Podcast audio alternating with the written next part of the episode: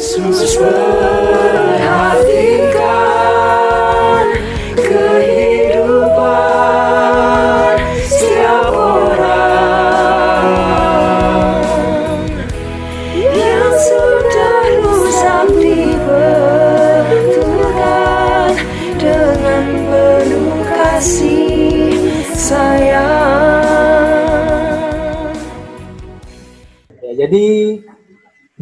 podcast Rena kali ini, podcast Rena yang kelima dari HKBP Teluk Mulus Resort Pontianak, kita akan mewawancarai seorang pendeta yang mungkin cukup familiar bagi kita karena kita sering mungkin dengar khotbah beliau yang kebetulan sering lucu gitu. Jadi pada hari ini kita akan wawancarai pendeta The Maximalitas MTH, Ketua Sem STGH Seminarium Sipoholon. Silakan Amang, boleh perkenalkan dirinya Amang? Oke, shalom bagi seluruh remaja Napus Sepulung HKBB Teluk Mulus Resort Kalimantan Barat. Saya Pendeta Demak Simanjuntat, um, Ketua Sekolah Tinggi Guru Huria di Seminarium Sipoholon. Ini sekolah ini adalah salah satu uh, lembaga pendidikan teologi yang ada di HKBP, uh, di mana sekarang mahasiswa kita ada sekitar 186 orang, dan dosennya ada 8 orang, dan status sekolah ini sekarang telah memperoleh izin dari Menteri Agama dan sedang mengerjakan borang-borang uh, untuk uh, akreditasi.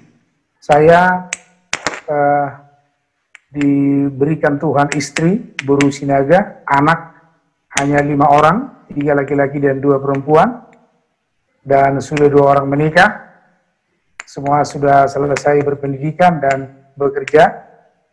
Uh, demikian perkenalan singkat. Ya, salam dari kami, Sivitas Akademika, Sekolah Tinggi Guru Huria di Seminari Sipoholon ini adalah sekolah satu-satunya yang ada di dunia.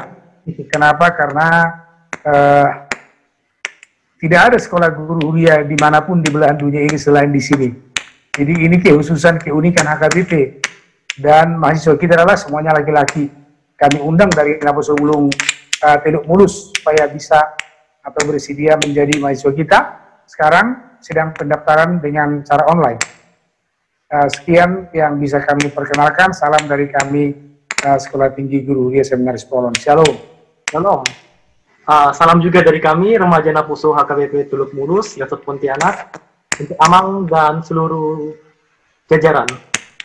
Ya Amang, dalam podcast kali ini kita akan membahas tentang liturgika HKBP. Jadi seperti yang telah kita sepakati, kita telah membuat tujuh pertanyaan yang disusun dan di sini saya akan mencoba untuk mengajak Amang berdiskusi sekaligus menjawab pertanyaan saya mengenai pertanyaan-pertanyaan yang sudah kami susun. Jadi boleh mulai sekarang Amang pertanyaannya? Oke, silakan, silakan. Oke Amang, karena kita belajar tentang liturgi, sebelumnya kita perlu tahu dulu sebenarnya apa definisi dari liturgi itu. Lalu apa pentingnya bagi kita? Uh, terima kasih. Uh, liturgi itu sebenarnya dari sudut etimologi berasal dari uh, kata liturgia. Itu dari bahasa Yunani dari kata ergon dan laos. Ergon itu adalah bekerja, laos itu adalah bangsa yang dulunya sebenarnya itu adalah diartikan pengabdian uh, masyarakat kepada bangsa. Jadi kemudian hari itu diadopsi oleh liturgi, maka liturgi itu dipahami menjadi kegiatan bersama antara Tuhan dengan manusia. Artinya, liturgi itu dipahami secara utuh tindakan Allah yang direspon dengan pengabdian umat ataupun manusia. Jadi bisa kita katakan bahwa liturgi adalah kegiatan yang direspon oleh umat manusia. Dan pentingnya buat umat manusia adalah uh, karena apa yang telah diciptakan Allah di dunia ini termasuk manusia adalah bagian dari ciptaan itu, maka manusia merespon cara agung yang diberikan oleh Allah kepada manusia di dalam liturgi. Jadi respon yang baik dari manusia itu ditunjukkan di dalam liturgi. Lalu Amang, sebenarnya pentingkah liturgi itu dalam gereja kita? Seberapa penting hal itu? Oke, sebelum ke sana perlu uh, kita jelaskan tadi setelah memahami makna liturgi itu, jadi bisa kita katakan bahwa liturgi bagian integral dari ibadah kebaktian yang dilakukan oleh gereja. Sedangkan uh, ibadah itu ditunjukkan tadi bahwa itu adalah bagian dari respon manusia kepada apa yang telah diperbuat Allah kepada manusia itu yang ditunjukkan di dalam ibadah. Maka bisa kita katakan itu sangat penting sekali, bahkan bagian integral dari ibadah ataupun daripada uh, kehidupan manusia itu sendiri, hubungannya dengan Allah.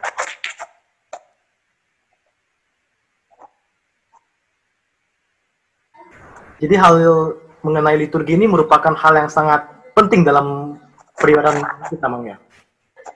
Betul, betul sekali. Kalau misalnya liturgi itu tidak ada, berarti ibadah kita mungkin tidak akan seindah dan semegah ini, Amang ya.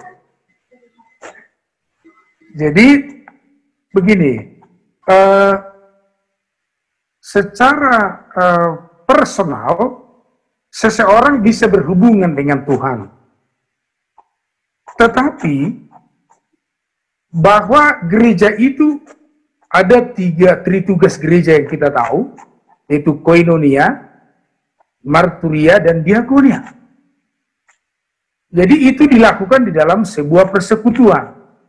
Maka eh, liturgi dikatakan penting karena liturgi itu adalah mengatur tata ibadah jadi hubungan bagaimana manusia tadi merespon apa yang diperbuat oleh uh, Allah kepada manusia, maka itu direspon dengan tata cara yang baik melalui liturgi. Kan begitu. Walaupun respon yang kedua adalah, respon manusia yang kedua adalah bagaimana aksi kehidupan manusia itu di dalam kehidupan kesehariannya. Tetapi di dalam ibadah, liturgi itu adalah tata cara merespon apa yang telah diperbuat oleh Allah dan mensyukuri serta memuji Tuhan dengan apa yang dilakukan oleh Tuhan kepada manusia itu. Oke, baik Amang. Terima kasih atas penjelasan untuk poin pertama. Dan kita ketahui sendiri di HKBP ini kan punya liturginya sendiri. Kita tahu biasanya yeah. awal itu ada foto intro itu sampai berkat. Kira-kira bisa nggak Amang memberikan halo? Halo. Halo, Amang. Halo, bisa ya? Oke ya? Uh, bisa, Mang. Halo? Oke, oke. Ya. Uh, apa, mungkin agak tersendak-sendak di sini apanya. Nah, oke, okay, begini. Uh, sebelum saya jelaskan ke sana, perlu saya terangkan dulu sebenarnya liturgi HKBP ini berasal dari mana gitu. Ya oke okay, Jadi liturgi HKBP ini sebenarnya berasal dari kerajaan Prusia Jerman pada abad ke-18. Jadi dari eh, di mana kaisar pada saat itu berkeinginan untuk menyatukan dua aliran besar di Jerman antara Lutheran dan Calvin. Karena kaisar berpendapat jika agama bersatu, maka negara kuat dan kekuasaan kaisar kuat, maka tugas dan kepentingan kaisar untuk menyatukan uh, tata ibadah ini. Jadi sehingga dapat kita katakan bahwa liturgi HKBP yang ada sekarang adalah mix atau campuran dari Lutheran dan Calvinis yang dibawa oleh misionaris ke Tanah Batak pada uh, ketika datangnya misionaris membawa Injil ke tanah Batak. Dan kemudian agenda yaitu tata ibadah yang ada dituliskan dalam agenda kita itu uh, sebenarnya ini adalah oleh karena kerinduan keinginan para misionaris uh, ketika itu bahwa di tanah Batak sudah sangat butuh tata ibadah gereja Batak. Maka pada tahun 1904 itu adalah uh, terbitan pertama tata liturgi ataupun agenda HKBP uh, eh, yang kemudian dicetak dari bahasa Jerman ke bahasa Batak Toba tahun 1907. Nah, jadi apa sebenarnya makna teologis dari tatanan ibadah ini yang disusun dalam agenda HKBP ini? Pendeta F. Tiermeyer uh, pernah mengungkapkan pada konferensi RMG ini Mission Gesellschaft pada tahun 1936 di Sidimpuan dikatakan bahwa di dalam ibadah atau dalam tata ibadah ini dinampakkan bahwa karya Tuhan Allah sendiri yang selalu mendominasi di dalam sebuah tata ibadah maka hal mendasar dari teologi kata ibadah ini adalah perbuatan Allah bersama dengan umatnya, sama seperti yang sudah kita jelaskan tadi. Jadi ini uh, latar belakang adanya agenda di gereja kita HKBP. Jadi kerinduan para misionaris itu kemudian mereka cetak di dalam bahasa Jerman dan dicetak di dalam bahasa Batak Toba tahun 1907. Namun sampai saat ini terus mengalami eh, masukan-masukan uh, dan perbaikan-perbaikan.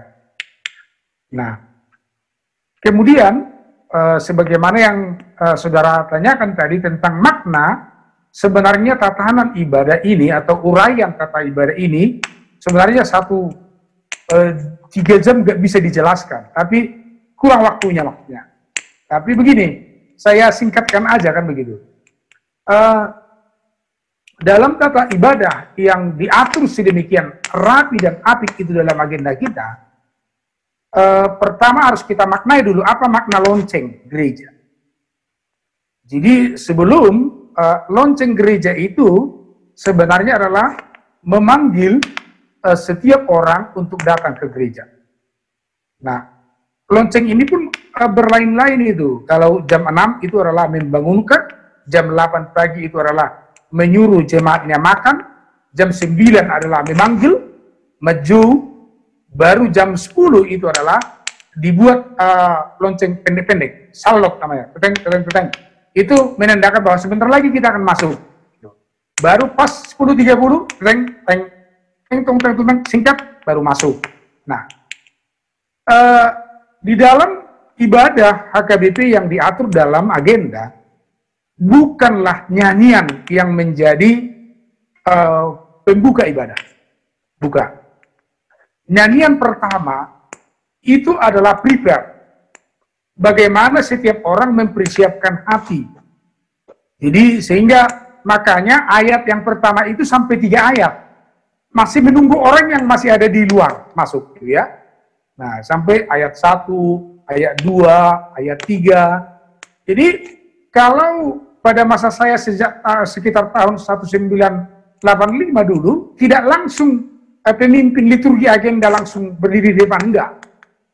Jadi baru setelah ayat yang kedua pemimpin agenda itu maju ke depan. Tapi kalau sekarang itu sudah diperbarui langsung kan begitu. Langsung dia berdiri di depan pegang agenda kan begitu kan. Kalau dulu tidak. Jadi baru ayat yang kedua. Nah, Makanya dia masuk ke depan. Baru eh, kemudian para agenda setelah selesai ayat itu dikatakan begini. Rimmahita jongjong. Marilah kita semua berdiri. Itu adalah kata-kata undangan dari Tuhan. Kan begitu. Jadi sekarang nggak ada lagi.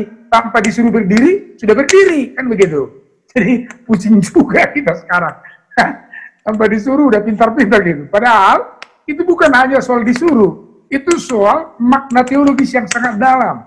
Jadi kalau dikatakan rimma ikazam, mari kita semua berdiri, adalah panggilan untuk berdiri di hadapan Tuhan oleh uh, para genda, oleh pemimpin uh, liturgis ataupun ibadah. Nah, votum, votum itu adalah sebagai uh, materai di mana ibadah itu dibuka. Itu adalah pelantikan. Jadi setiap yang hadir di situ dilantik mengikuti ibadah. Itulah votum. Maka orang-orang yang tidak ikut pada awal itu, dia tidak ikut dilantik. Apalagi orang yang dekat de gereja, eh, rumahnya dengan gereja. Ah, tunggu mar haleluya dulu biar masuk kita katanya kan. Jadi setelah haleluya dia masuk, berarti dia tidak ikut lagi dilantik toh. Jadi votum itu harus dijelaskan kepada Nabosobulung adalah pelantikan. Jadi ketika seseorang itu bisa mempersiapkan diri adalah selama tiga ayat nyanyi itu tadi. Jadi, votum adalah pelantikan. Masuklah kepada introitus. Sementara introitus artinya jalan masuk. Ketika uh, liturgis membacakan ayat, maka jalan masuknya adalah nyanyian Gregorian, nyanyian homoponik namanya. Nyanyian homoponik itu satu lagu, yaitu Haleluya, yang dinyanyikan oleh semua jemaat. Itu introitusnya. Setelah dibacakan oleh liturgis, maka disambut dengan lagu homofonik Gregorian oleh jemaat. Nah, haleluya, haleluya itu artinya puji Tuhan.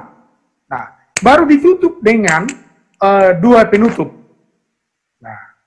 Jadi itu fungsi daripada votum dan introitus. Nah, makna daripada itu kita katakan itu adalah pelantikan. Dimulainya dimateraikannya, dimulainya ibadah itu. Jadi nggak main-main sebenarnya. Nah, sampai di sini mungkin masih ada yang ditanyakan tentang foto atau lanjutkan aja begitu? Lanjutkan aja, Bang. Oke. Okay. Jadi setiap nyanyian di dalam uh, interval uh, tata ibadah itu disesuaikan dengan uh, setiap uraian-uraian yang ada di sana. Misalnya, nyanyian bersama setelah votum ini adalah merupakan respon jemaat kepada dua pembukaan, kepada pelantikan itu yang disesuaikan dengan tahun-tahun hari raya gerejani yang diaturkan dalam almanah kan begitu. Nah, kemudian pembacaan hukum Taurat, pembacaan hukum Taurat ini liturgis di sana berfungsi sebagai pemegang cermin Nah, pemegang cermin di mana cermin yaitu hukum Taurat yang diperhadapkan kepada jemaat, maka semua jemaat bercermin kepada hukum Taurat itu melihat dirinya bahwa dia adalah seorang pendosa yang datang di hadapan Tuhan. Nah, jadi kita tahu fungsi cermin, kan begitu. Dengan fungsi cermin itu kita melihat di mana ada kotoran, di mana ada noda, kan begitu. Setelah hukum Taurat dibaca misalnya, ketika uh, para agenda bacakan, janganlah engkau mencuri. Maka jemaat mengingat akan dirinya, oh Tuhan, dua hari lalu aku mencuri kan begitu. Jadi pernah suatu ketika waktu saya melayani di suatu jemaat uh, di daerah uh, tidak saya sebut namanya nanti ya. Jadi pernah dia bilang begini, unak ko manako kata Sintu itu kan Datang jemaat dari belakang. Toh ma asaholak koin naroham. Katanya kan. Artinya karena dia tahu Sintua ini pun pernah juga mencuri kan gitu. Mana kok berninja kelapa sawit kan gitu kan. Nah ketika hukum Taurat ini dibacakan setiap orang akan melihat dirinya gitu, bercermin kepada apa yang dikatakan oleh Tuhan. Nah lalu mereka sadar bahwa mereka adalah orang berdosa. Nah kesadaran ini mau ditumbuhkan begitu. Karena keberdosaan inilah maka setiap orang mau datang di hadapan Tuhan. Orang juga diajak untuk mengaku dosa. Kan begitu. Karena dosa yang paling besar adalah mengaku diri tak berdosa. The greatest of sins is to be conscious of no sins. Begitu. Jadi, bagaimana setiap orang ini di, di, dituntun ketika hukum Taurat dibacakan, maka dia mengatakan, oh saya Tuhan adalah orang berdosa. Nah, itu makanya di dalam mengakhiri hukum Taurat itu, liturgis mengatakan, marilah kita meminta kekuatan dari Tuhan untuk melakukan hukumnya. Baru semua orang sadar, Tuhan, kuatkanlah kami untuk melakukan yang sesuai dengan hukummu. Karena apa? Karena melakukan hukum Taurat Tuhan itu adalah pekerjaan yang berat. Kan begitu. Pekerjaan yang berat. Maka harus meminta pertolongan dari Tuhan. Tidak ada manusia yang mampu melakukan itu dari dirinya. Tetapi Tuhan yang memampukan. Nah, demikian juga nyanyian setelah hukum Taurat ini harus disesuaikan dengan respon kepada uh, hukum Taurat ini. Ya. Jadi bagaimana nyanyian itu juga menolong jemaat untuk melakukan hukum Tauratnya. Jadi nyanyian di interval-interval ini tidak asal dilakukan gitu loh, tidak asal dibuat, tapi dipergumulkan. Nah, kor pun di sini sebaiknya jangan dibuat kor. Jadi kor itu sebaiknya adalah setelah pengakuan iman. Semuanya.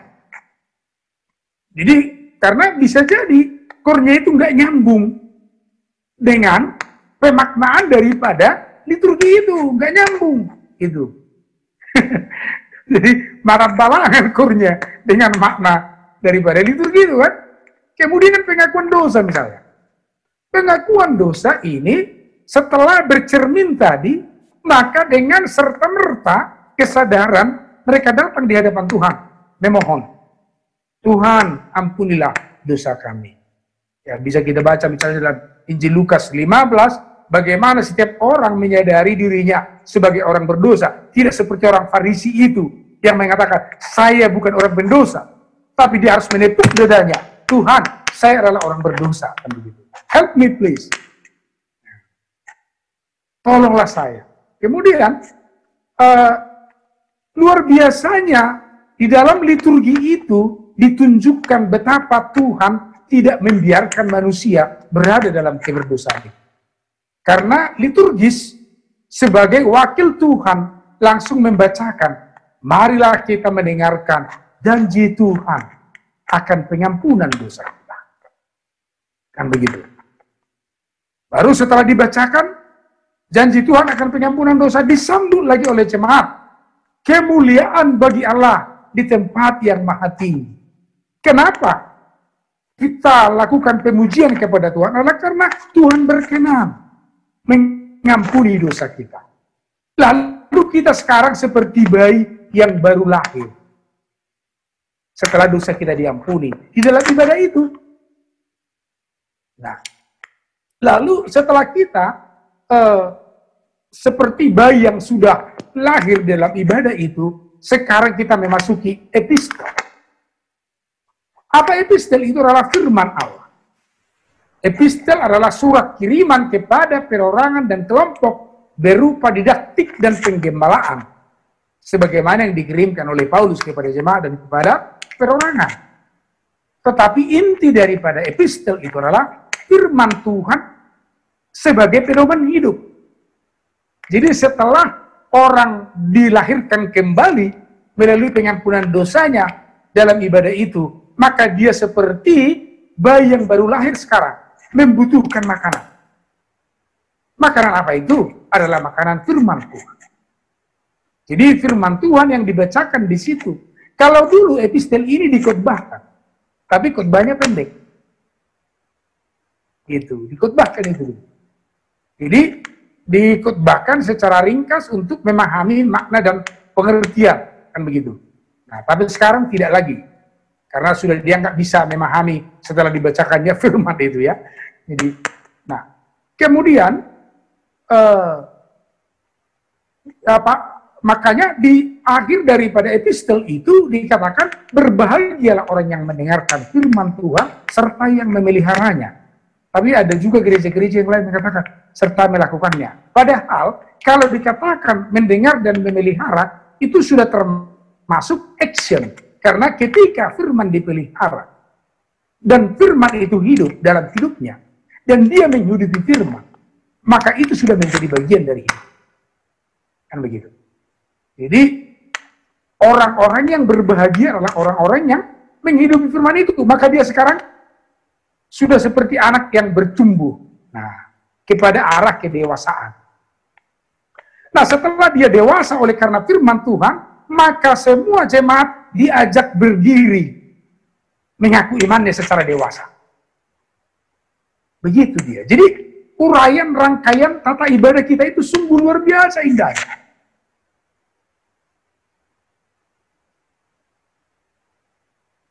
Setiap orang yang telah diampuni dosanya, yang telah diberikan firman, dan dia telah bertumbuh dewasa, dan sekarang dia menyaksikan imannya. Lalu disaksikanlah iman itu. Itulah pengakuan iman rasuli.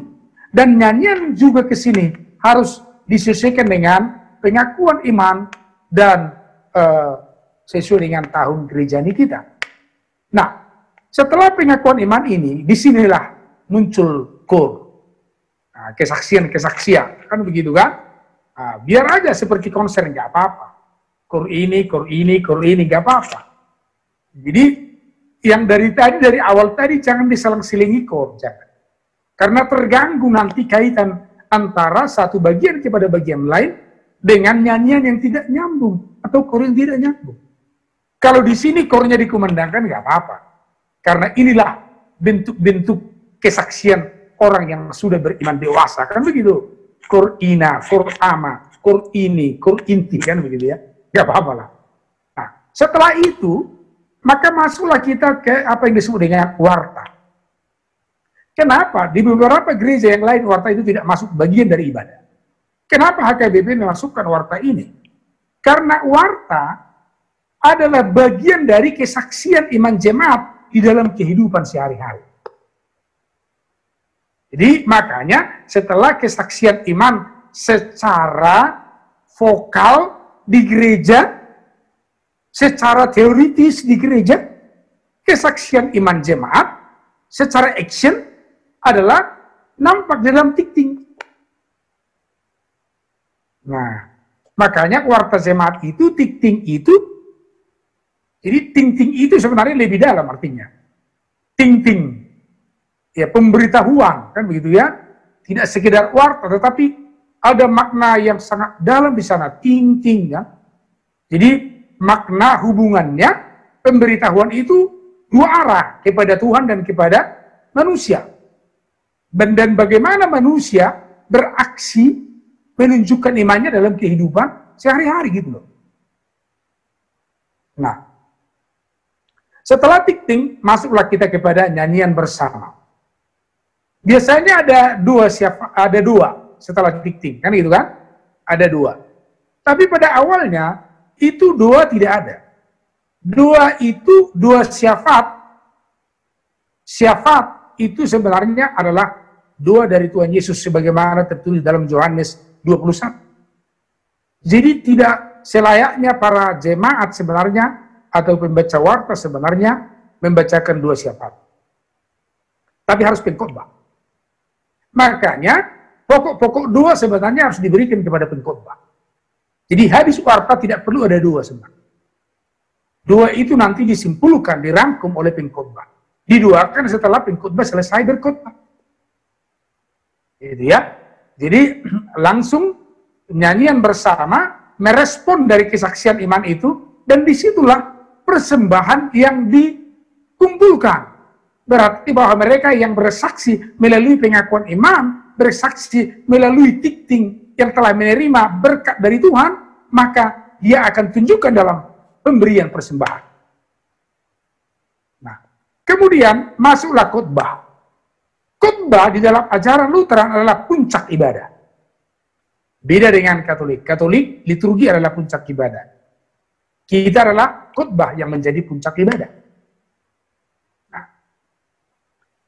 puncak ibadah ini adalah merangkum semua ibadah sejak awal sampai akhir. Dan di sinilah firman diperdengarkan kepada seluruh jemaat yang menjadi bekal hidup, pegangan hidup, penuntun hidup, pedoman hidup semua jemaat. Nah, jadi makanya Kalau ada ibadah tanpa khutbah sepertinya bukan ibadah kan begitu. Karena puncak daripada uh, ibadah itu adalah khutbah. Oke, setelah khutbah masuklah kepada apa yang disebut dengan uh, nyanyian bersama menyambut firman itu. Setiap orang yang telah mendengarkan khutbah akan mengetuk hatinya mengatakan, Tuhan firman itu adalah kepada saya. Tapi biasanya nggak seperti itu. Setelah dia dengar khutbah, firman itu sama orang lain, kan gitu kan? Honaho, kan? Sebenarnya firman itu harus sama dia. Ya Tuhan, aku telah menerima firmanmu. Jiwaku telah diketuk oleh firmanmu. Maka sekarang aku juga memberikan persembahanku kepadamu. Makanya persembahan itu dua kali. Satu kali oleh karena didorong oleh kesaksian iman. Kedua kali adalah karena didorong oleh setelah mendengarkan firman dalam puncak ibadah. Jadi ada juga gereja yang sok-sokan gitu, satu kali persembahan gitu ya. Padahal belum melewati sinode godang kan gitu. Ini yang telah diaturkan sinode godang dan sesuai dengan makna liturgi kan itu tadi. Makanya kita dua kali sebelum khotbah dan sesudah khotbah. Nah, kemudian uh, dua penutup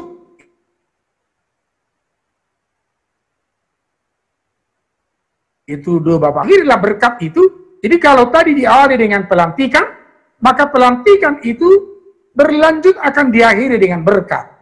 Jadi jangan ada orang yang pulang sebelum dimateraikan, ditutup dengan berkat. Ya kan? Jadi ada orang kalau sudah selesai kurnya dia pulang. Berarti dia ikut dilantik tapi tidak ikut menerima berkat, tidak ikut dimateraikan kan gitu. Nah, jadi karena saat uh, liturgi itu adalah bagian yang uh, komprehensif gitu ya, tidak akan terpisahkan dari satu rangkaian kepada rangkaian yang berikut sampai akhir dengan amin amin. Disambut amin artinya benar sungguh-sungguh perbuatan Allah kepada kita. Ya amin. Demikian yang bisa saya jelaskan tentang uh, tata ibadah kita dan makna tata ibadah sesuai dengan agenda HGBP Amang. Oke Amang, terima kasih. Kita lanjut lagi aja ya dengan pembahasan selanjutnya dalam dalam liturgi kita kan juga ada dalam gereja kita kan juga ada mengenal almanak kan buku almanak itu. Ya, ya. Buku almanak itu kan berisikan penanggalan-penanggalan gerejawi, leksionari. Itu ya. asalnya dari mana ya yang kita pakai ini? Oke. Okay. Uh, eh, leksionari artinya adalah kumpulan bacaan Alkitab atau biasa disebut dengan almanak yang disusun sesuai dengan kalender gerejawi. Jadi asalnya dapat kita baca di dalam buku sejarah HKBP 125 tahun Tuhan menyertai umatnya yang uh, dituliskan bahwa pada tahun 1898 almanak diterbitkan oleh uh, uh, misionaris yaitu RMG Reinise Mission Gesellschaft bagi jemaat Kristen Batak di Tapanuli, di mana tertera kalender tahun gerejani dan nats bacaan setiap minggu dan setiap hari. Demikian juga tahun tahun penting dalam sejarah gereja uh, Batak hingga saat ini. Jadi hingga saat ini almanak kita itu tetap bersumber dari RMG atau FEM uh, Verenige uh, Evangelism Mission of Mission itu yang ada di Jerman. Jadi mereka yang menyusun yaitu ayat uh, khotbah dan epistel. Tetapi ayat-ayat harian itu adalah yang disusun oleh uh, tim almanak yang diangkat oleh Epurus HKBP setiap tahunnya. Jadi di Indonesia sendiri ada beberapa gereja yang berafiliasi kepada FEM atau RMG dulu, ya makanya satu eh, penanggalan dan almanak di eh, gereja kita. Nah tentu Kita tahu bahwa kalender yang kita pakai sekarang adalah bersumber dari kalender Julian kuno yang pada saat Kaisar Gregorius ketiga dan itu kalender yang kita kenal dengan kalender Gregorian. Jadi mereka dikalenderkan, digunakan kalender itu dan disusun sedemikian rupa oleh FEM, kemudian ayat ditentukan oleh rapat-rapat di FEM, kemudian dibagikan ke HKBP, tetapi ayat-ayat harian seperti saya katakan tadi, itu disusun oleh tim almanak HKBP yang diangkat oleh Epurus HKBP setiap tahun. Demikian, Amang. Setahu saya juga, Amang, kalau di gereja-gereja lain seperti GKPI, HKI, GBKP, dan beberapa gereja-gereja Batak lainnya juga memiliki penanggalan yang sama ya, Mang ya? Tanggal yang ya sama. Itu semua gereja yang berafiliasi yang di bawah naungan FEM tadi. Oh, jadi ya, dalam satu uh, Iya. Iya, yang sumbernya datang dari uh, misionaris Jerman. Misionaris Jerman. Nah. Oke, okay, Amang. Udah jelas. Jadi sekarang saya mau membahas satu lagi topik yang lumayan menarik tentang ya. para pelayan tahbisan di HKBP. Kita kan mengetahui ada beberapa pelayan tahbisan seperti pendeta, penatua, parjamita ina atau bipofro, guru huria, diakones, dengan evangelis.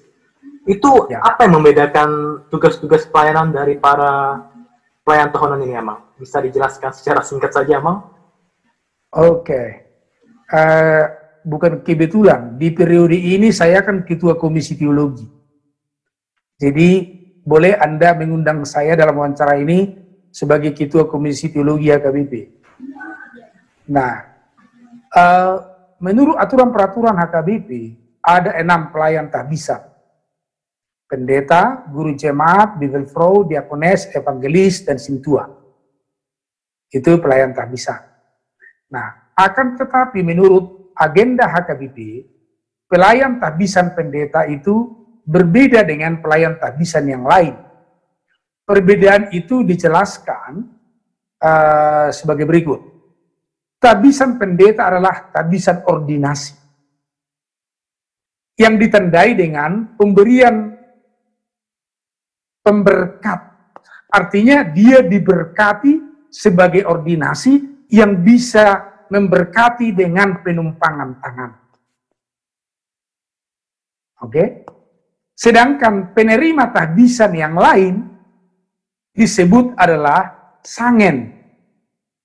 Dalam bahasa Jerman, bahasa Jerman juga sangen artinya pelayan tahbisan tetapi juga penerima berkat yang memberi berkat tanpa menumpangkan tangan. Nah, kenapa demikian? Nah, saya jelaskan sekali lagi. Uh, dijelaskan di dalam eklesiologi gereja HKBP yang kita kenal dengan eklesiologi kristologi, di mana mengacu kepada Kristus yang menjadi uh, kepala uh, dasar gereja itu sendiri. Pendeta disebut sebagai representasi figur Kristus. Nah, kenapa dikatakan pendeta menjadi representasi figur Kristus yang melekat pada pribadi penerima tabisan pendeta itu dapat kita baca di dalam agenda HKBP ketika pendeta menerima tabisan. Kupabakit maho. Begitu. Karena pendeta representasi figur Kristus, yaitu disebut dengan partonaan ni Kristus, pembawa pesan Kristus. Yang kedua, sikap ni Kristus, representasi kehadiran Kristus. Maka kam ulaon ni Kristus natolumi. Artinya, merangkum pekerjaan Kristus yang tiga, yakni imam, raja, dan nabi. Nah, itu ya. Jadi ketiga, ketiga ungkapan itu hanya dikenakan kepada penerima tabisan pendeta. Tidak untuk penerima tabisan lain. Jadi pendeta Tetapi guru huria, Bibelfrau, diakones, uh, evangelis, itu ditahdiskan oleh Evorus sebagai pimpinan HKBP. Tidak secara kolektif oleh pimpinan. Itu adalah tugas uh, sendiri atau apa namanya dalam bahasa Batak, ulah kunjungan. Artinya hanya uh, Evorus yang berhak uh, memberikan itu. Tetapi sintua itu diberikan, bisa diberikan oleh pendeta, itu diberikan oleh pendeta resok. Nah, jadi kenapa demikian? Karena di dalam uh, ordinasi pendeta itulah termaktub semua tadi uh, representasi kehadiran tohonan Kristus itu. Dan tohonan sangin yang lain adalah pembantu pendeta. Nah, begitu. Jadi makanya eh, semua pekerjaan di HKBP eh, bukan berarti begini. Tohonan itu ada hierarkinya, bukan seperti itu. Tetapi begitulah tohonan itu diberikan kepada setiap orang bukan karena melihat kepribadian seseorang itu. Tetapi tahbisan itu yang diberikan kepada uh, tahbisan pendeta itu sebagai representasi uh, Kristus. Itu makanya ketika pendeta memimpin perjamuan kudus, dia katakan, dosamu telah diampuni. Nah, itu yang dikatakan oleh Yesus kepada muridnya, apa yang kau ikat di bumi akan terikat di surga, dan apa yang kau buka di bumi akan terbuka di surga. Nah, itu uh, hak seperti itu diberikan kepada tahbisan ordinasi pendeta, bukan kepada tahbisan yang lain. Jadi ini yang harus dipahami setiap orang. Jadi bukan karena uh, pribadi personalnya bukan, tapi karena tahbisannya seperti itu. Makanya pendeta yang melakukan sakramen, nah, perjamuan dan uh, baptisan. Jadi di sanalah pekerjaan itu uh, bisa kita lihat dengan uh, jadi perbedaan itu bukan karena uh, dibedakan sedemikian rupa supaya pendeta lebih hebat, bukan. Tapi tahbisan itu yang membuat seperti itu. Siapa pun boleh jadi pendeta kalau dia telah melalui apa namanya semua proses yang ada kan begitu. Nah, oke. Okay. Itu yang bisa saya jelaskan, Amang. Namun dalam keadaan-keadaan darurat itu kita tahu ya, Amang berarti kalau Sintua itu bisa membaptiskan anak-anak yang dalam keadaan darurat, Amang ya? Dengan pendeta. Oh. dalam emergensi uh, boleh, boleh Sintua dan itu salah satu tugas Sintua yang diaturkan dalam aturan peraturan AKBP di dalam tugas Sintua. Melakukan uh, baptisan emergensi, baptisan darurat, jika anak itu dalam keadaan sakit keras. Nah, jadi tetapi kalau anak itu sembuh, maka anak itu akan dibawa ke acara pembaptisan di gereja untuk diberkati oleh pendeta. Tetapi bukan berarti baptisannya itu tidak sah. Sah. Nah, penatua itu melakukan baptisan darurat tanpa menumpangkan tangan. Nah, ketika dikatakan, Sianu, saya membaptiskan engkau di dalam nama Bapa, dalam nama Anak, dalam nama Roh Kudus. Lalu dia berdoa tanpa menumpangkan tangan. Begitu. Bahkan kalau penatua tidak ada, kalau orang tuanya itu adalah jemaat kita, maka orang tua berhak juga membaptiskan. Namun lain halnya jika ada juga ah oke okay, silakan. Ah Bang, saya potong dulu. Kalau dalam keadaan-keadaan tidak ada pendeta, perjamuan kudus pun tidak bisa dilayankan penatua, Bang ya. Hanya hak pendeta saja yang oh, ya. layankan itu ya. Agak berbeda dengan perjamuan kudus. Karena perjamuan kudus itu uh, ada waktu untuk dilakukan uh, sekalipun itu hal emergensi itu tidak boleh dilakukan oleh pelayan tahdisan yang lain. Itu haruslah pendeta.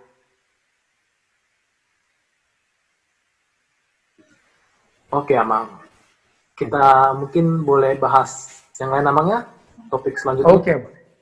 Uh, mungkin bagi saya dan berapa banyak orang di luar merasa sedikit janggal terhadap yang namanya mimbar pendeta di HKBP Raja dan di Bali G yang setahu saya arahnya itu di kanan dari arah jemaat. Namun di gereja kami dan di beberapa gereja yang lain kebanyakan di tengah dan juga ada yang menempatkannya di kiri.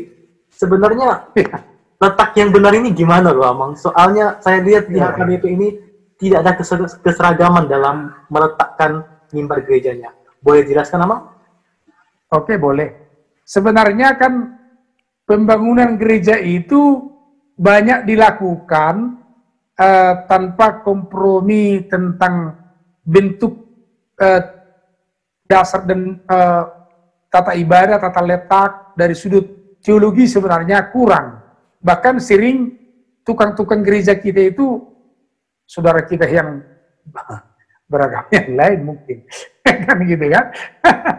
nah, jadi harusnya harus diberikan penjelasan. Jadi ada salah satu buku yang sangat menarik saya tunjukkan ini bukunya. Ini adalah buku uh, bimbingan tata kebaktian gereja yang ditulis oleh Profesor Dr. Adelbert Sitompul, guru besar di STT dulu. Ini mantan rektor uh, di STT HKBP. Jadi mungkin buku ini tidak banyak diperoleh oleh eh, kawan-kawan, uh, kan begitu.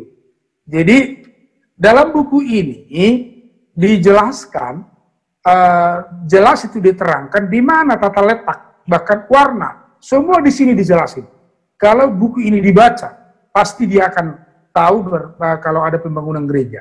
Jadi podium itu letaknya adalah di sebelah kanan. Jadi di sebelah kanan eh, eh, ruangan altar itu, kan begitu? Berarti di sebelah kiri jemaat. Nah, jemaat menghadap altar, jadi mimbar itu datang dari sebelah kirinya. Kenapa di sebelah kanannya? Karena uh, Luther mengatakan bahwa firman itu ditaburkan dari sebelah kanan.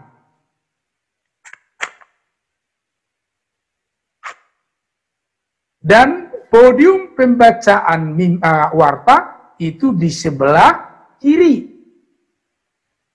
Altar itu di sentral, di tengah. Nah, tapi Calvin itu uh, meletakkan mimbar atau podium di sebelah kiri. Karena dia memahami firman harus datang dari sebelah kanan jemaat. Nah, begitu ya. Jadi jadi perbedaan para tokoh reformator kita ini juga yang mempengaruhi perbedaan-perbedaan letak itu. Nah, jadi kalau kita kalau kau nanti melihat letak mimbar itu misalnya di sebelah kanan jemaat, oh mereka buat secara kalvinis. Kan begitu. Kalau sebelah kiri jemaat, oh secara Lutheran. Kalau ada di tengahnya lagi, di balik altar itu, nah mungkin dia Katolik, kan gitu kan. Karena sentralnya ada di tengah, gitu loh. Jadi, jadi kita yang bisa memaknai. Nanti kalian bisa memaknainya begitu. Jadi dasarnya, makanya kenapa diletakkan di sebelah kanan, itu berbeda dengan uh, bahwa khotbah itu bukanlah ceramah. Dan itu tidak akan bisa digeser-geser. Makanya diletakkan dari sebelah kanan, karena firman ditaburkan dari sebelah kanan. Gitu. Saya masih agak sedikit bingung. Maksudnya kanan yang Amang maksud ini dari arah bangku jemaat atau dari arah altar yang benar? Dari altar lah. Oh, jadi, jadi seperti yang di Peraja itu, nah. bagaimana Amang? Nah, nah itu jadi tidak selamanya mungkin ya supaya raja Calvinis lah itu kan gitu kan. ya emang ya saya mengerti. Kalau kalau buku ini tapi mungkin bisa didebat oleh teman-teman saya tentang itu tapi saya punya referensi bukunya. Nah itu ya. Jadi mungkin ya juga profesor ini mungkin bisa didebat tapi kedua itu itu pandangan Lutheran dengan Calvin. sebelah kiri dan kanan. Lutheran katakan firman itu harus ditaburkan dari sebelah kanan. Itu dari sebelah kanan penabur. Berarti penabur menghadap jemaat kan gitu kan? Kanannya lah. Dia harus dari sebelah kanan datang. Nah, jadi sudut pandang Calvin tidak. Sudut pandangnya dari jemaat. Firman harus datang dari sebelah kanan jemaat kan gitu. Berarti penabur datang dari kiri, dari sana karena menghadap jemaat. Kan gitu. Tetapi penjelasan Luther ini uh, bisa saya terima dengan uh, seperti itu kan begitu. Jadi ada juga yang dari sentral, itu adalah Katolik karena Tuhan berada di sentral kan gitu kan. Tapi ada juga teman-teman yang beraliran yang lain tanpa mimbar, dia turun dari mimbar. Kemudian dia jalan-jalan. Nah, gitu kan? Nah, tetapi kita mengingat kepada khotbah Yesus di bukit, misalnya. Uh, Yesus di dalam berkhotbah selalu mencari tempat itu dasarnya. Selalu mencari tempat yang tinggi. Ini juga menyangkut soal komunikasi. Komunikasi massa gitu ya. Komunikasi massa itu adalah ketika yang memberikan uh, ceramah atau memberikan khotbah itu lebih tinggi daripada orang yang dikhotbahi. Jadi uh, komunikasi verbalnya itu uh, lajunya bagus begitu, makanya selalu di tempat yang lebih tinggi mimbar itu dibuat. Bukan berarti supaya pengkhotbah lebih hebat, lebih tinggi dari uh, jemaat bukan. Tapi berangkat dari apa yang dilakukan oleh Yesus. Bahkan ketika Yesus berkhotbah di tepi danau, dia harus mencari perahu yang lebih tinggi dan para umat itu duduk di pantai kan begitu.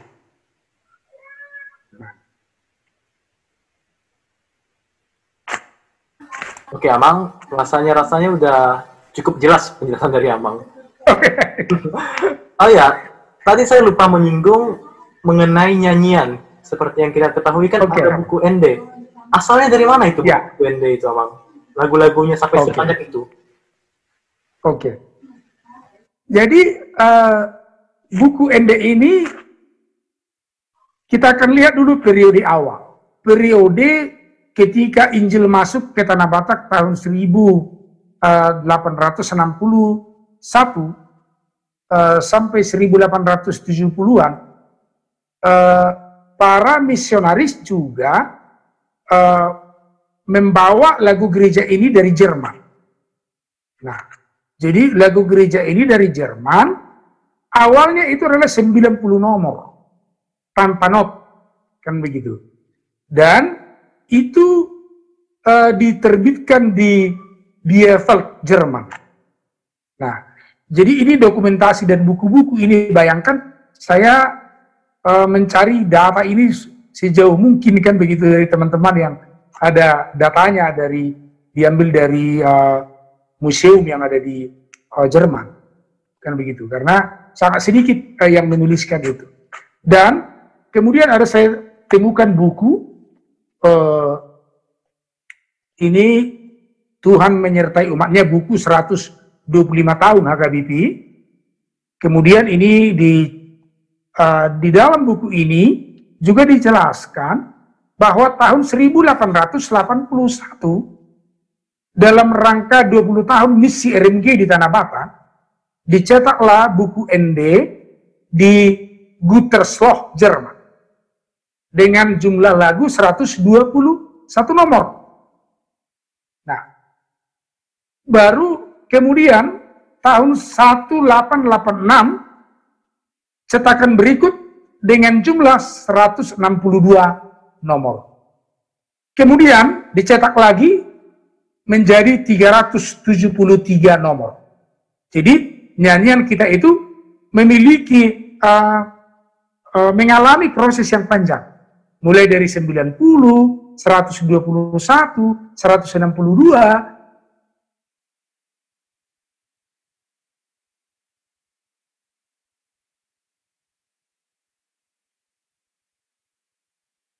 tiga mana nyanyian uh, tentang iman, kasih sandi dosa, aporsial, hari minggu, dan sebagainya. Kemudian, uh, Haluan Nagok itu dari nomor 374 sampai 556 itu adalah karya dari Suster Elfrida Harder. Itu pendiri sekolah uh, Bible Flow yang ada di Lagu Boti. Jadi ketika beliau datang melayani di Tanah Batak, dia fokus melayani wanita dan anak-anak. Nyanyian ini yang selalu dikumandangkan kepada ibu-ibu, para Kamis, anak-anak. Dan kemudian nyanyian ini dimasukkan lagi menjadi uh, bagian dari buku NDHKBP. Nah, selanjutnya proses yang terakhir adalah dari 557 uh, sampai 600, 864 itu berjudul awalnya sangat Jehovah, masih terpisah. Ketika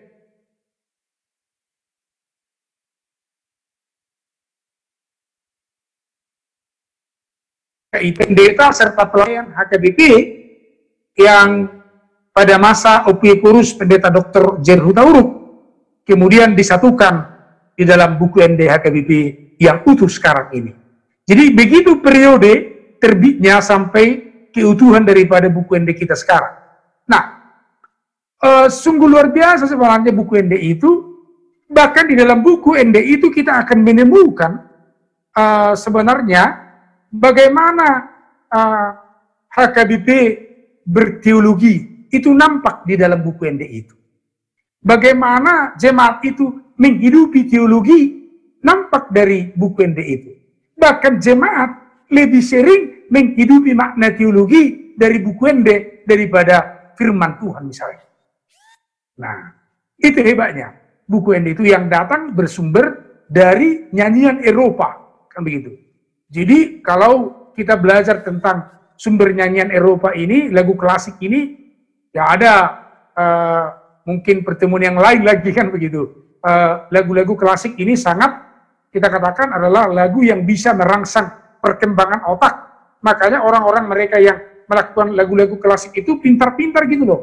Jadi orang-orang yang uh, uh, menyanyikan buku ND itu dengan baik, ya kita lihat pintar-pintar semua itu, kan? siapa misalnya siapa penemu uh, listrik uh, Thomas Alva Edison. Dia seorang pemain organ, penyanyi lagu klasik, lagu gereja yang dibawa dari Eropa ke kita ini. Nah, luar biasa semua itu, ya. Jadi orang-orang yang aktif di Naposobulu, lagu-lagu gereja, berkor juga, itu bukti orang-orang pintar semua. Jadi beda dengan lagu-lagu yang lain kan gitu. Jadi lagu klasik ini yang datang dari Eropa ini, tetapi uh, syairnya itu sudah uh, menjadi makna teologi lokal di tanah Batak kan begitu. Oh ya, Mang, sedikit ingin bertanya ya. tentang buku nyanyian HKBP itu kan terjemahan dari buku ND. Ya. Jadi itu juga diterjemahkan satu persatu gitu, Amang ya? uh, itu tadi, jadi 90 nomor dulu yang dicetak di Jerman berbahasa Jerman. Kemudian di bahasa Batakkan. Baru tahun 1881 uh, memperingati uh, 20 tahun misi RMG 121 nomor berbahasa Jerman dulu baru diterjemahkan dalam bahasa Batak dengan judul NDND uh, Kristen Batak itu judulnya dulu. Ende-ende uh, bagi ende-ende nih halak Kristen Batak. Nah, itu judulnya. Kemudian semakin diperbaiki, semakin diperbaiki lagi sampai sekarang. Begitu. Pasti itu akan dikerjakan oleh komisi liturgi dulu. Nah, dan dibawakan ke rapat pendeta, dibawakan ke sinodi gudang, sehingga buku ende itu bisa serapi sekarang ini. Tapi sumbernya itu dari Jerman berbahasa Jerman dulu, kemudian dibuat dalam bahasa Batak begitu. Nah, jadi dalam pembuatan dalam bahasa Batak itu sudah uh, tidak langsung terjemahan uh, langsung, tetapi sudah dihidupi sesuai dengan penghayatan orang-orang Batak kepada makna teologi yang ada di tanah Batak. Uh, Mang, saya juga penasaran ya menurut Amang kira-kira buku ND ini bisa lagi nggak nambah jumlahnya itu ke depannya kira-kira? Oh bisa. Oh bisa jadi ya? Kenapa tidak? Karena gini, jadi kalau nanti eh, oh, uh, pimpinan HKBP ataupun para sinodisten uh, menginginkan misalnya, menyarankan, mengusulkan kepada pimpinan supaya bukan di kita ini ditambah misalnya, maka pasti ditugaskan nanti komisi untuk itu. Ada komisi untuk itu. Seperti sebelumnya, ini membuat nyanyian kita dari nomor uh, 557 sampai uh, 864 itu adalah komisi yang telah dibentuk dan mengundang para musisi, para ahli yang di bidangnya. Dan ditetapkan di sinodi gudang, kan begitu. Bisa, sangat bisa. Untuk menjawab perkembangan pertumbuhan zaman sekarang. Tanpa menghilangkan jati diri kita sebagai HKBP, kan begitu. Oke, Abang. Oke, dan okay. saya rasa pun sudah cukup jelas penjelasan Abang. Dan mungkin ini pertanyaan terakhir dalam podcast ini. Ya. Saya ingin tahu dan ingin bertanya tentang sakramen. Kita kan sebagai Protestan, Lutheran yang bergereja di HKBP hanya mengakui dua sakramen, baptisan kudus dengan perjamuan kudus. Ya. Apa sebenarnya makna dari baptisan dan perjamuan kudus ini? Karena beberapa orang juga masih bingung sebenarnya makna dari baptisan dari perjamuan kudus. Boleh jelaskan nama? Boleh.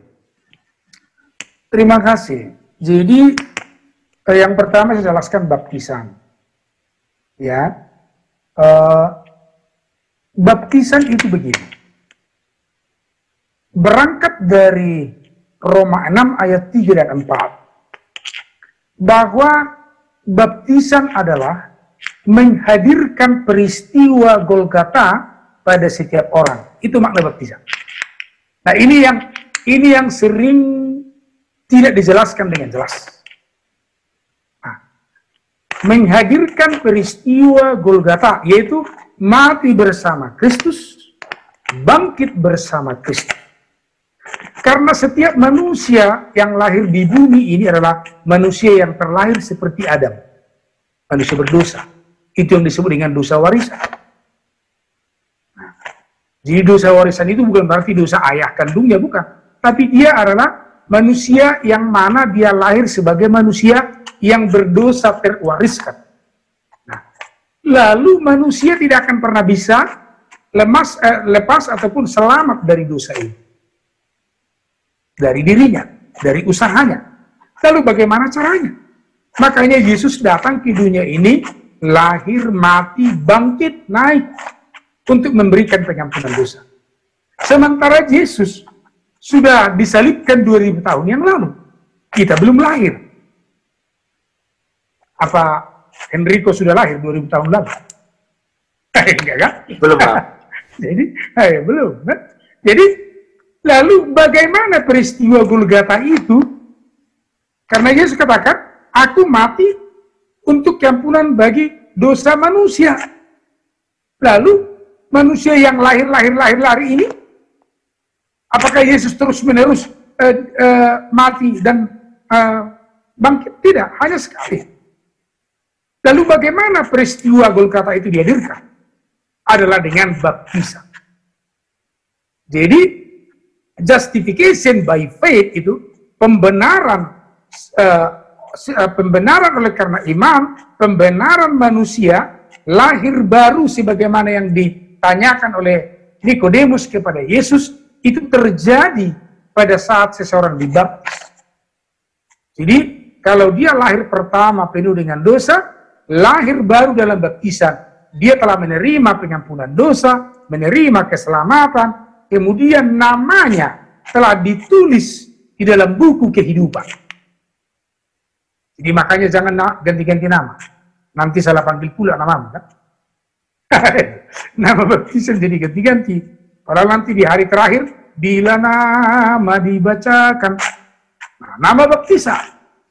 Jadi kalau diganti-ganti tuh, nanti salah panggil pula kan? jadi, jadi mati bersama Kristus, menghadirkan peristiwa Golgata, itu baptisan itu. Nah, jadi kalau menghadirkan peristiwa Golgata, makanya sejak anak lahir haruslah secepatnya dibawa ke dalam baptisan. Kalau orang membiarkan anaknya lama dibaptis, berarti lama berada dalam tindisan dosa.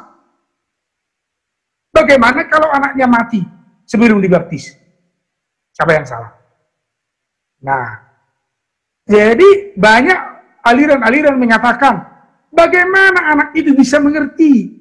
Dia nggak mengerti kok dibuat baptisan. Nah, ini alasan yang salah. Karena Tuhan tidak pernah meletakkan anugerah atas dasar pengetahuan. Kalau itu dilakukan, lalu bagaimana orang idiot?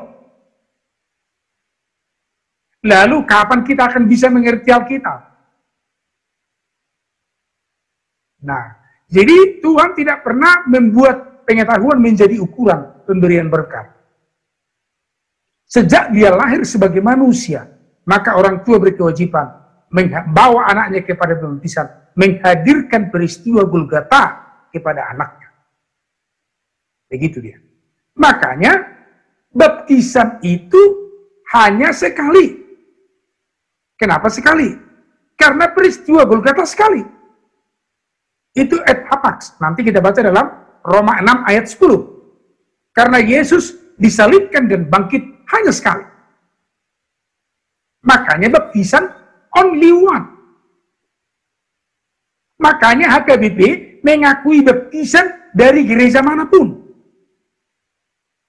Dari gereja mana pun seseorang dibaptis, kalau masuk ke HKBP tidak dibaptis lagi. Karena baptisan sekali. Baik dari Katolik, maupun dari Pentakosta, maupun dari Karismatik, maupun dari mana. HKBP tidak membaptis ulangnya lagi. HKBP hanya mengajari untuk naik sidik. Gitu. Karena baptisan hanya sekali. The holy baptism to take place by Holy Spirit. Bahwa baptisan itu terjadi oleh roh kudus. Ketika baptisan dilayangkan, maka roh kudus bekerja di sana. Maka peristiwa Golgata itu dihadirkan kepada seseorang. Di dalam baptisan itu diberikan tanggung jawab kepada orang tua. Tanggung jawab apa yang diberikan kepada orang tua? Yaitu, apakah saudara bersedia anakmu dibaptis? Bersedia. Apakah saudara bersedia mendidik, mengajari anak ini akan firman Tuhan? Bersedia. Apakah saudara bersedia menyuruh mereka ke gereja dan kepada perguruan protestan? Bersedia Tanggung jawab ini diberikan kepada orang tua. Ini tanggung jawab jaminan. Dalam bahasa Batak, hakung. Nah, setelah dia menjalani pelajaran tentang sidi, sidi artinya dewasa. Dewasa dalam fisik dan dewasa dalam iman. Lalu seseorang itu lepas dari hakung itu. Jadi bukan lepas dari dosa, itu salah. Kan ada orang mengatakan, kalau saya sudah naik sidik, maka saya lepas uh, tanggung jawab uh, dosa saya selama ini kepada orang tua lah. Dan sekarang saya lah dosa saya katanya. Itu pemahaman yang salah. Tanggung jawab tadi yang menjadi, hakum tadi yang menjadi tanggung jawab orang tua. Sudah lepas orang tua dari tanggung jawab itu. Karena orang tuanya sudah mengajarinya. Nah itu makanya si anak yang telah dibaptis itu yang telah dihadirkan, jadi kata baptis, bapto, membenamkan, to dip in. Jadi tidak dibenamkan ke dalam air, tapi dibenamkan ke dalam darah pengampunan Kristus. Karena tidak terletak kepada sedikit banyaknya air, maka peristiwa itu terjadi tidak. Tapi air harus ada sebagai elemen, unsur, di mana tanda kebersihan itu ada di sana. Jadi tidak pernah harus uh, banyak air dulu, dibenamkan dulu. Kalau itu kita bawa ke Danau Toba lah sekalian. Atau ke Laut Pasifik, kan gitu ya. Supaya lebih banyak airnya. Bukan air yang membuat bersih. Tapi peristiwa itu dikerjakan oleh roh kudus. Nah, jadi ajarlah mereka katanya. Itu makanya di dalam Matius 28 ayat 19, baptislah semua bangsa, all nation, dan ajarlah mereka. Jadi baptis dulu baru ajar. Bukan ajar baru baptis. Bukan. Baptis dulu baru ajar. Nah, setelah diaji di situlah pada waktu, makanya pada waktu baptisan itu ada tanggung jawab orang tua itu. Nah, oke okay, Bang, sudah jelas? Oh, Bang, sekalian saya mau bertanya. Kalau kita hmm. sudah menerima baptisan sejak kecil, berarti kita juga harus belajar dan mengaku iman kita saat penugasan sidi. Begitu, Abang? Ya. Bagaimana dengan orang-orang yang baru dibaptis saat dewasa? Mengapa mereka harus mendapat penugasan sidi juga? Karena mereka kan sudah tahu apa yang mereka percaya. Kenapa kita tetap melakukan penugasan sidi terhadap orang dewasa yang sudah dibaptis? uh, di dalam agenda kita itu digabung, tidak terpisah. Baptisan dengan peneguhan siri bagi orang dewasa itu langsung digabung karena pada saat itu, pada saat itu dia dibaptis, pada saat itu dia mengaku iman. Itu tidak terpisah lagi.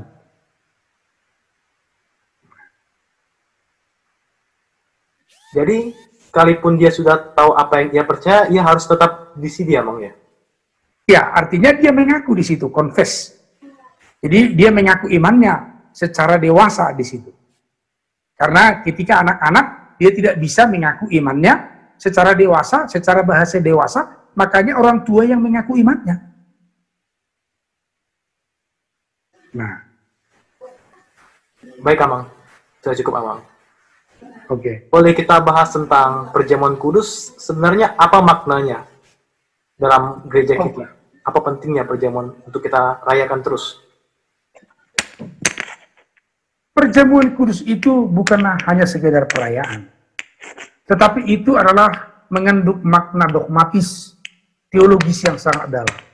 Karena itu menyangkut tentang pengampunan dosa, sama seperti baptisan. Jadi Martin Luther katakan, orang yang sudah dibaptis, yang sudah diberikan keselamatan, apakah masih dimungkinkan jatuh ke dalam dosa? Masih. Itu yang dikatakan oleh Martin Luther yang istilah simul justus et peccator. Orang yang sudah diampuni dosanya secara simultan masih dimungkinkan jatuh ke dalam dosa karena dia berada di dalam dunia yang penuh dengan dosa. Lalu kapan dosa sehari-hari ini akan diampuni? Yaitu pada saat dia mengikuti perjamuan kudus. Nah, makanya di dalam perjamuan kudus itu yang paling utama di sana adalah pengampunan dosanya. Ketika pendeta katakan, pos maroham mengasihi sebesar. Nah, jadi makna daripada perjamuan kudus itu uh, menurut Lutheran adalah agak berbeda kalau uh, saudara kita Katolik yang disebut dengan transubstansiasi. Transubstansiasi itu artinya begini. Secara substansi, roti dan anggur berubah menjadi tubuh dan darah Kristus pada saat perjamuan. Tetapi dalam uh, pemahaman Lutheran, makanya Luther katakan back to the Bible, kembali kepada Alkitab, secara substansi roti dan anggur tidak akan pernah berubah. Bread is bread, wine is wine. Itu tidak akan pernah berubah. Lalu ketika kita mengikuti perjamuan kudus, Makanya pemahaman tentang perjamuan kudus yang kita kira adalah konstan substansiasi.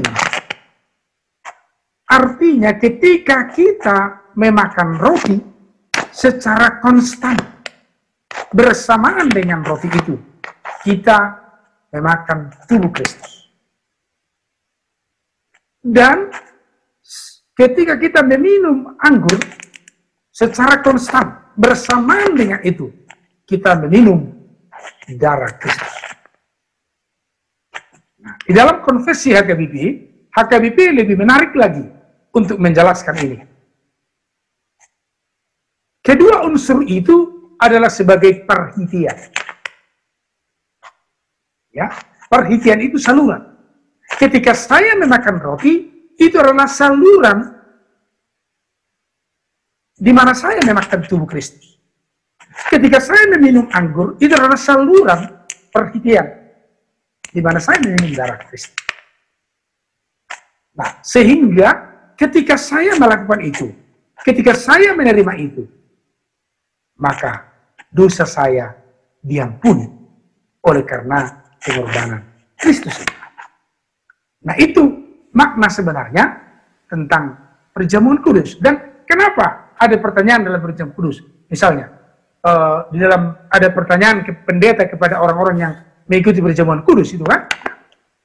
Uh, di dalam agenda kita itu boleh kamu lihat, itu biasanya ada dua acara. Acara persiapan, prepare sebelum menerima perjamuan kudus. Satu minggu sebelum. Itu biasanya dulu. Itu dilakukan oleh guru kuliah dan tabisan yang lain. Kemudian datanglah pendeta uh, melakukan itu. Tapi sekarang ini, saya lihat sudah kebanyakan pendeta langsung melakukan pendahuluan bersama dengan perjamuannya. Makanya ada pertanyaan itu. Pertanyaan itu sebenarnya adalah pada saat pendahuluan. Tapi sekarang para pendeta menggabungkannya. Itu masa simpel ini kan? itu. Kalau di agenda itu berbeda. Gitu. Nah, tapi itu satu rangkaian walaupun beda itu persoalan interval waktu. Tapi satu rangkaian itu. Satu rangkaian antara persiapan dengan penerimaan perjamuan kudus itu. Nah, kenapa ada pertanyaan itu adalah itu adalah menekankan makna pertobatan. Karena setiap orang yang berdiri di hadapan Tuhan, yang telah mengaku dan menyadari dosa-dosanya, datang untuk mengikuti perjamuan kudus, untuk meminta pengampunan dosa. Tapi tidak supaya perjamuan kudus itu bukanlah barang permainan sembarangan. Tetapi orang-orang yang sungguh-sungguh mau bertobat, makanya ada pertanyaan. Apakah kau sadar bahwa sejak kau lahir orang berdosa? Iya. Apakah kau mau dosamu diampuni? Iya. Apakah kau ke depan bisa bertobat? Iya. Ada di situ pertanyaan-pertanyaan. Jadi itu semuanya adalah penekanan untuk pertobatan. Nah, tetapi sempat itu menjadi membuat takut orang mengikuti perjamuan kudus. Kan gitu kan? ah, wang, sobino tuh nah non eh, ngaporak biolin kan? Sebenarnya enggak itu justru ya mengingat melihat diri kita bahwa kita adalah manusia yang lemah kan gitu. Setiap hari kita jatuh ke dalam dosa gitu ya. Nah, setiap hari dalam dalam dosa. Dan kesadaran akan hal itulah uh, ditekankan itu supaya kita tidak dengan sengaja lagi melakukan dosa. Jadi orang-orang yang datang perjamuan kudus tidak lagi datang dengan sengaja di hadapan Tuhan melakukan dosa gitu. Nah, jadi luar biasa sebenarnya pengaruh uh, didaktik uh, pengajaran ya kateket daripada pertanyaan-pertanyaan uh, itu untuk membina setiap orang yang mengikuti perjamuan kudus. Oke, Amang. Sedikit pertanyaan dari saya, Amang. Ini mungkin pertanyaan pribadi saya. Ya. Konsep parhitian yang ada pada konfesi HKBP dan konsubstansiasi ajaran Martin Luther itu berarti selaras, Amang ya? bukan berlawanan atau berbeda emang ya? Selaras, selaras. Sejalan. Hanya HKBP membahasakan dalam arti perhitian. Nah, itu. Lebih kontekstual gitu di diterjemahkan dalam konotasi HKBP. Gitu. Dan terakhir ini Amang. Kita kan mengetahui kalau dalam perjamuan kudus itu ada dua unsur, roti dan anggur. Saya cukup ya. bingung karena beberapa HKBP ada yang menggunakan roti tawar dan ada juga yang menggunakan roti semacam roti hosti di gereja Roma Katolik. Sebenarnya dalam penggunaan roti ini, apakah ada ketentuan tersendiri yang mana roti yang harus dipakai atau gereja diberi kebebasan untuk menggunakan roti apa saja selama itu adalah berbentuk roti? Nah, begini, harus uh, berangkat kepada kita harus berangkat dari makna teologisnya. Roti itu memiliki makna teologis. Jadi nanti kalau kita baca Matius 26, Markus 14, Lukas 22, 1 Korintus 11, itu ketika Yesus uh, melakukan perjamuan kudus, lalu dia memegang roti yang utuh. Sebuah roti yang utuh adalah menggambarkan tubuh Kristus, somatu Kristus. Dan tubuh Kristus inilah yang dibagi-bagi, dipecah-pecah. Begitu. Jadi sebenarnya pendeta harus memegang sebuah roti bakul yang utuh. dan dipecah-pecah kepada jemaatnya. Nah, oke, kita anggaplah roti tawar yang utuh sebenarnya, dan itu telah lebih dulu dipecah-pecah dari satu roti yang utuh. Itu menggambarkan tubuh Yesus yang dipecah-pecah, yang dikorbankan, kan begitu, dibagi-bagi kepada jemaat. Nah, penggunaan hosti itu adalah tubuh Kristus yang berdiri sendiri banyak. Jadi banyak tubuh Kristus. Nah, padahal satu tubuh Kristus. Jadi alangkah tidak pas kalau kita menggunakan host. Dan ini yang tidak dipahami oleh banyak orang. banyak teman-teman, kan itu ya. Jadi seharusnya harus menggunakan roti bulat awal itu ya, yang dipecah-pecah. Kalaupun oke okay, dipotong-potong, oke okay lah. Ya? Tapi lebih enak sebenarnya kalau pendetanya megang roti bulat lalu digotili lah, digotili kepada jemaahnya kan, gitu, dipecah-pecah. Nah itu makna teologisnya. Masalah tentang roti beragi tidak beragi ini bukan masalah mang ya, mau pakai roti beragi atau enggak? Oh tidak masalah, tidak masalah. Itu hanya kepada uh, konteks uh, pada saat itu mungkin roti mana yang tidak di, uh, yang dipakai atau mungkin pada saat perayaan orang Yahudi ada perayaan roti tak beragi itu. Mungkin konteksnya pada saat itu. Tapi konteks roti sebagai lambang atau uh, tertanda kehadiran tubuh Kristus itu yang dipecah-pecah itu mana teologisnya? Oke Amang, saya rasa sudah cukup banyak pertanyaan yang saya dan Remaja Napuso tanyakan kepada Amang selaku narasumber kami. Jadi sebelum ya. menutup diskusi dalam podcast ini mungkin barangkali ada sepatah dua patah kata dari Amang sendiri yang ingin Amang sampaikan bagi remaja Naposo atau apa pun itu yang Amang ingin sampaikan. Saya persilakan Abang. Oke, saya sangat bangga dengan program Hak Remaja Nafsu Bulung HKBP Tiluk Mulus. Tadi pagi saya langsung telepon dengan Ibu Pendeta Marisi Borusi Manjuntak.